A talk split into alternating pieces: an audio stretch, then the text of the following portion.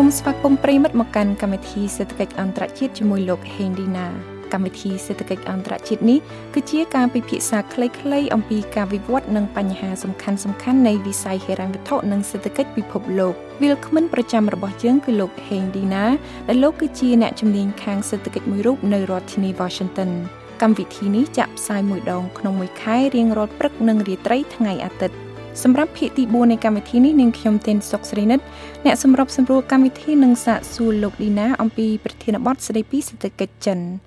ជាមហាសេដ្ឋកិច្ចលេខ2ចិនបាននឹងកំពុងបង្កើនឥទ្ធិពលទាំងផ្នែកការទូតយោធានយោបាយនិងសេដ្ឋកិច្ចការផ្តល់ជំនួយកម្ចីការវិនិយោគនិងការហូរចូលនៃចំនួនអ្នកទេសចរ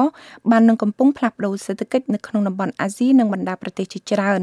ស្របពេលជាមួយគ្នានេះសេដ្ឋកិច្ចចិនក៏មានបញ្ហាជាច្រើនដែលត្រូវដោះស្រាយបន្ទាប់ពីមានកំណើនជាច្រើនឆ្នាំមកនេះជាកិច្ចផ្ដើមនាងខ្ញុំសូមជម្រាបសួរលោកឌីណាបាទជម្រាបសួរស្រីនិត សំណួរដំបូងរបស់ខ្ញុំគឺចង់ឲ្យលោកបកស្រាយថាតើសេដ្ឋកិច្ចចិននាពេលបច្ចុប្បន្ននេះមានស្ថានភាពបែបណាដែរលោកបាទស្រីនិតសេដ្ឋកិច្ចចិនជាសេដ្ឋកិច្ចធំទី2បន្ទាប់ពីសហរដ្ឋអាមេរិកផលទុនសរុបក្នុងស្រុកបើសិនបើយើងមើលទៅឃើញថាសេដ្ឋកិច្ចចិនមានទំហំ14 trillion ដុល្លារសហរដ្ឋអាមេរិកខណៈដែលសហរដ្ឋអាមេរិកមានទំហំជាង21 trillion សេដ្ឋកិច្ចចិនបើយើងធៀបទៅធំជាងសេដ្ឋកិច្ចជប៉ុន3ដងនិងរុស្ស៊ី10ដងប៉ុន្តែចំណូលមធ្យមសម្រាប់មនុស្សម្នាក់ក្នុងមួយឆ្នាំ គិតជាប្រាក់ដុល្លារដែលអាចបង្ហាញពីកម្រិតជីវភាពរស់នៅនឹងគឺថាជនជាតិចិនម្នាក់ជាមធ្យមមានចំណូលជាង9000ដុល្លារសហរដ្ឋអាមេរិកទាំងមកគឺនៅទៀបជាងឆ្ងាយបើធៀបនឹងជាង60000នៅអាមេរិកហើយនឹងជាង40000នៅជប៉ុនកំណើនសេដ្ឋកិច្ចក្នុងរង្វង់ស្ថិតក្នុងរង្វង់6.5%ក្នុងមួយឆ្នាំដែលជាកំណើនខ្ពស់គួរសមកំណើននេះមានន័យថាសេដ្ឋកិច្ចចិនកើនធំជាងមុនប្រហែល8000លានដុល្លារក្នុងមួយឆ្នាំដែលស្មើ7 2ដងកន្លះនៃសេដ្ឋកិច្ចសង្ហបុរីទាំងមូល ប៉ុន្តែកំណើននេះជាកំណើនថមថយបន្ទាប់ពីកំណើនខ្ពស់ជាមធ្យមប្រហែល10%ក្នុងមួយឆ្នាំក្នុងរយៈពេល30ឆ្នាំចុងក្រោយចាប់តាំងពីកំណែចម្រុងនឹងការបើកចំហសេដ្ឋកិច្ចនៅចុងទសវត្សរ៍ឆ្នាំ80មកអឺ70មកយើងឃើញថាសេដ្ឋកិច្ចចិនកើន50ដង ហើយប្រជាជន8000 800លាននាក់ប្រជាជន800លាននាក់ហ្នឹងគឺបានចាក់ចេញពីភាពក្រីក្រដោយសារកំណើនសេដ្ឋកិច្ចនេះ អឺបើសិនបើយើងមើលកលេចមើលសន្ទុះសេដ្ឋកិច្ចវិញនឹងឃើញថានៅពេលបច្ចុប្បន្នហ្នឹងគឺពឹងផ្អែកមួយភាគធំលើការវិនិយោគនិងវិស័យឧស្សាហកម្មដែលផ្ដោតលើផលិតផលនាំចេញចិនជាប្រទេសដែលផលិតនិងនាំចេញសម្ភារៈប្រើប្រាស់គ្រប់ប្រភេទនិងច្រើនជាងគេបំផុតក្នុងពិភពលោកចិនគឺជារោងចក្រផលិតផលជាច្រើនរបស់ពិភពលោកនិងជាផ្នែកមួយដ៏សំខាន់នៃខ្សែចង្វាក់ផលិតកម្មនិងផ្គត់ផ្គង់ក្នុងទីផ្សារអន្តរជាតិ យើងឃើញជាឧទាហរណ៍ចិនផលិត80%នៃម៉ាស៊ីនត្រជាក់សរុបទាំងមូលនៅក្នុងពិភពលោកហ្នឹងហើយចិនក៏ជាប្រទេសដែលផលិតធំជាងគេនៅក្តារបន្ទះពលឺថ្ងៃទូរស័ព្ទស្បែកជើងនិងនិងកប៉ាល់ជាដើមចាដោយសារតែប្រទេសចិនជាមហាសេដ្ឋកិច្ច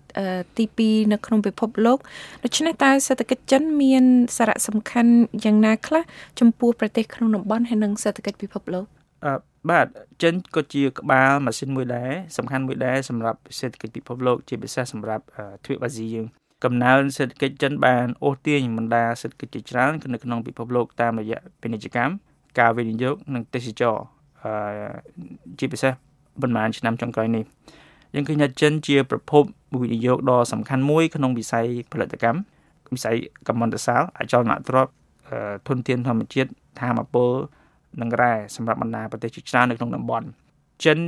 បើយើងមើលតួលេខឃើញថាវិនិយោគប្រហែល10%នៃទឹកប្រាក់វិនិយោគផ្ទាល់សរុបនៅតំបន់អាស៊ាន ជាង30%នៃប្រាក់វិនិយោគផ្ទាល់នៅកម្ពុជា និងជាង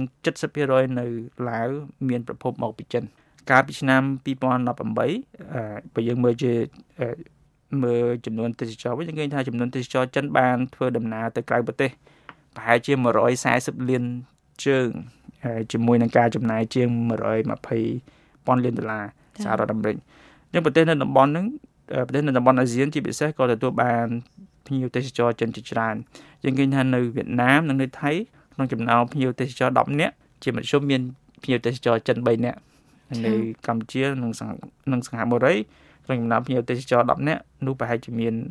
ភ្ញៀវចិនជាមធ្យម2នាក់ តែដូច្នេះកំណើនសេដ្ឋកិច្ចចិនបានជួយឲ្យមានកំណើនសេដ្ឋកិច្ចដ៏រស់រវើកនៅតំបន់អាស៊ីអាគ្នេយ៍ចាស្របពេលនឹងពេលដែលសេដ្ឋកិច្ចចិនមានសន្ទុះល្អប្រសើរនៅឡើយហ្នឹងថាតើសេដ្ឋកិច្ចចិនហ្នឹងមានកត្តាមានជួបកត្តាប្រឈមអ្វីខ្លះដែរបាទចិនចិនកំពុងជួបបញ្ហាប្រឈមមួយចំនួនធំដូចជាចំនួនពាណិជ្ជកម្មជាមួយអាមេរិកកម្រិតបំណុលក្នុងស្រុកខ្ពស់ជាពិសេសក្នុងចំណោមសហគ្រាសរដ្ឋនិងរដ្ឋបាលថ្នាក់ខេត្តក្រុង ការធ្លាក់ចុះកម្លាំងពលកម្មសកម្មនិងកំណែតម្រង់ស្ថាប័នរដ្ឋជាដើមយើងឃើញថាអាមេរិកកំពុងទាមទារឲ្យមានការបើកចំហទីផ្សារការវិនិយោគនិងការរក្សាកម្មសិទ្ធិបញ្ញាពីចិនចំនួនពាណិជ្ជកម្មនេះប្រសិនបើវាកាន់តែធ្ងន់ធ្ងរទៅវាអាចប៉ះពាល់ដល់ការនាំចេញរបស់ប្រទេសចិនក្នុងន័យនេះចំនួនកាន់តែខ្លាំងធ្វើឲ្យប៉ះពាល់ដល់ជំនឿទុកចិត្តវិនិយោគិនក៏ដូចជាខ្សែចង្វាក់ផ្គត់ផ្គង់ផលិតផលដែលចិនជាផ្នែកសំខាន់នោះដែរ ចំណែកកម្រិតបំណុលយើងឃើញថាមានជាង260%នៃទំហំសេដ្ឋកិច្ចចិនសប្តាហ៍ថ្ងៃដែលកម្ចីភាគច្រើនគឺបណ្ដាលមកពីការវិនិយោគនិងការផ្ដល់អនុទានដល់សហគ្រាសរដ្ឋដើម្បីជំរុញសេដ្ឋកិច្ចពេលដែលសេដ្ឋកិច្ចមានការថមថយហើយដូច្នេះភាពប្រតិកលាគ្នារវាងការកើនឡើងកម្រិតបំណុលក៏អន្តរាគមចាត់ចែងអនុទានដោយរដ្ឋនិងចំនួនសហគ្រាសរដ្ឋភាគច្រើន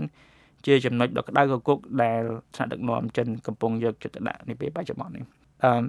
ចិនមានសហគ្រាសរដ្ឋចំនួន150,000នេះជាចំនួនច្រើនអឺហើយយើងឃើញថាមួយក្នុងចំណោម4សហគ្រាសរដ្ឋទាំងនេះកំពុងរកស៊ីខាត់ខណៈដែល70%នៃអនុទានថ្មីអនុទានថ្មីពីធនាគារហ្នឹងគឺបានកំពុងផ្ដល់ដល់សហគ្រាសរដ្ឋទាំងនេះអញ្ចឹងនេះស្ដែងពីបញ្ហាមួយនៅក្នុងការបែងចែកនិងប្រើប្រាស់អនុទានឲ្យមានប្រសិទ្ធភាពនិងបានត្រឹមត្រូវ ម្យ៉ាងទៀតបើសិនបើយើងមើលពីកម្លាំងផលិតវិញគឺកម្លាំងប្រជាជនវិញយើងថាចំនួនប្រជាជនចិនក្នុងវ័យសកម្មដែលមានអាយុចន្លោះពី14ទៅ65ឆ្នាំហ្នឹងកំពុងធ្លាក់ចុះដែលនេះវាអាចកាត់បន្ថយកំណើនសេដ្ឋកិច្ចនិងផលិតភាពក្នុងរយៈពេលមធ្យមនៅក្នុងន័យនេះយើងអាចចិនអាចជួបហានិភ័យមួយគឺថាប្រជាជនចិនអាចមានអាយុចាស់មុនមានខុសពីបណ្ដាប្រទេសអ្នកមានសប្តាហ៍ថ្ងៃដែលមានមុនអាយុចាស់ ចាដូច្នេះតទៅមុខទៀតសម្រាប់រដ្ឋាភិបាលចិនតើអ្វីទៅជាចក្ខុវិស័យ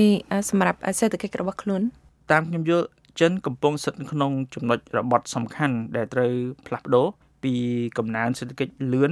ទៅជាកំណើនសេដ្ឋកិច្ចមួយដែលមានគុណភាពចិននៅមានសក្តានុពលខ្ពស់សម្រាប់បន្តកំណើនសេដ្ឋកិច្ចតទៅមុខទៀតនិងមានទុនហិរញ្ញវត្ថុក៏ដូចជាទុននយោបាយគ្រប់គ្រាន់សម្រាប់កំណែតម្រង់ដែរយើងឃើញថា គោលនយោបាយបច្ចុប្បន្ននឹងតទៅមុខទៀតគឺការផ្លាស់ប្ដូរពីការពឹងខ្លាំងទៅលើការវិនិយោគនិងការនាំចេញទៅពឹងច្រើនជាងមុនលើការចាយវាយរបស់ប្រជាពលរដ្ឋនៅក្នុងស្រុកនិងការបដូរពីឧស្សាហកម្មផលិតទៅពឹងលើវិស័យសេវាដូចជាបច្ចេកវិទ្យាព័ត៌មាននិងហិរញ្ញវត្ថុក៏ដូចជាបច្ចេកវិទ្យាសុខាភិបាលជាដើមក្នុងរយៈពេលប្រហែលឆ្នាំចុងក្រោយនេះយើងឃើញថាចិនបានកសាងប្រព័ន្ធទូទាត់ Digital មួយដែលមានគុណភាពខ្ពស់ លឿននិងងាយស្រួលហើយសាកលវិទ្យាល័យល្បីៗរបស់ចិនក៏បានពង្រឹងគុណភាពបានច្រើនដែរចិនក៏មានចក្ខុវិស័យនិងកំពុងជំរុញឲ្យមានក្រុមហ៊ុនចិនច្រើនថែមទៀតដែលអាចប្រកួតក្នុងទីផ្សារអន្តរជាតិជាពិសេសក្នុងវិស័យបច្ចេកវិទ្យាព័ត៌មាននិងហិរញ្ញវត្ថុយន្តហោះសុខាភិបាលនិងបច្ចេកវិទ្យាធម្មពលព្រះអាទិត្យយើងឃើញថាចិនក៏កំពុងបើកយុទ្ធនាការធំដើម្បីកាត់បន្ថយការបំពុលបរិយាកាស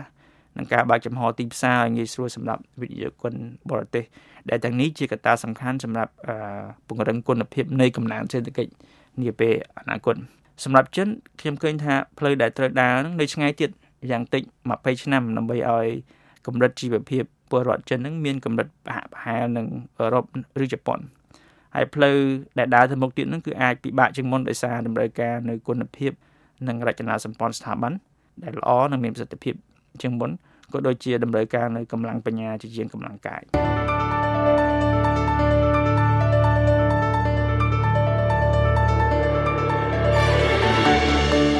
កម្មវិធីសេដ្ឋកិច្ចអន្តរជាតិរបស់ VOA ជាមួយលោកហេងឌីណាសម្រាប់ខែកក្កដានេះសូមលាប្រិយមិត្តអ្នកស្ដាប់ត្រឹមតែប៉ុណ្ណេះ។ នៅខែសីហាកម្មវិធីរបស់យើងនឹងនាំជូនការពិភាក្សាអំពីសេដ្ឋកិច្ចសហភាពអឺរ៉ុបលោកអ្នកនាងក៏អាចស្ដាប់ភាគផ្សេងៗនៃកម្មវិធីសេដ្ឋកិច្ចអន្តរជាតិរបស់យើងតាមគេហទំព័រ khmer.vanews.com/worldeconomics និងតាម Facebook facebook.com/voa ខ្មែរគណៈពេលនេះនាងខ្ញុំទេនសុកស្រីនិតអ្នកសម្របសម្រួលកម្មវិធីសូមជម្រាបលាប្រិមិត្តត្រឹមតែប៉ុណ្ណេះជួបគ្នានៅខែក្រោយ។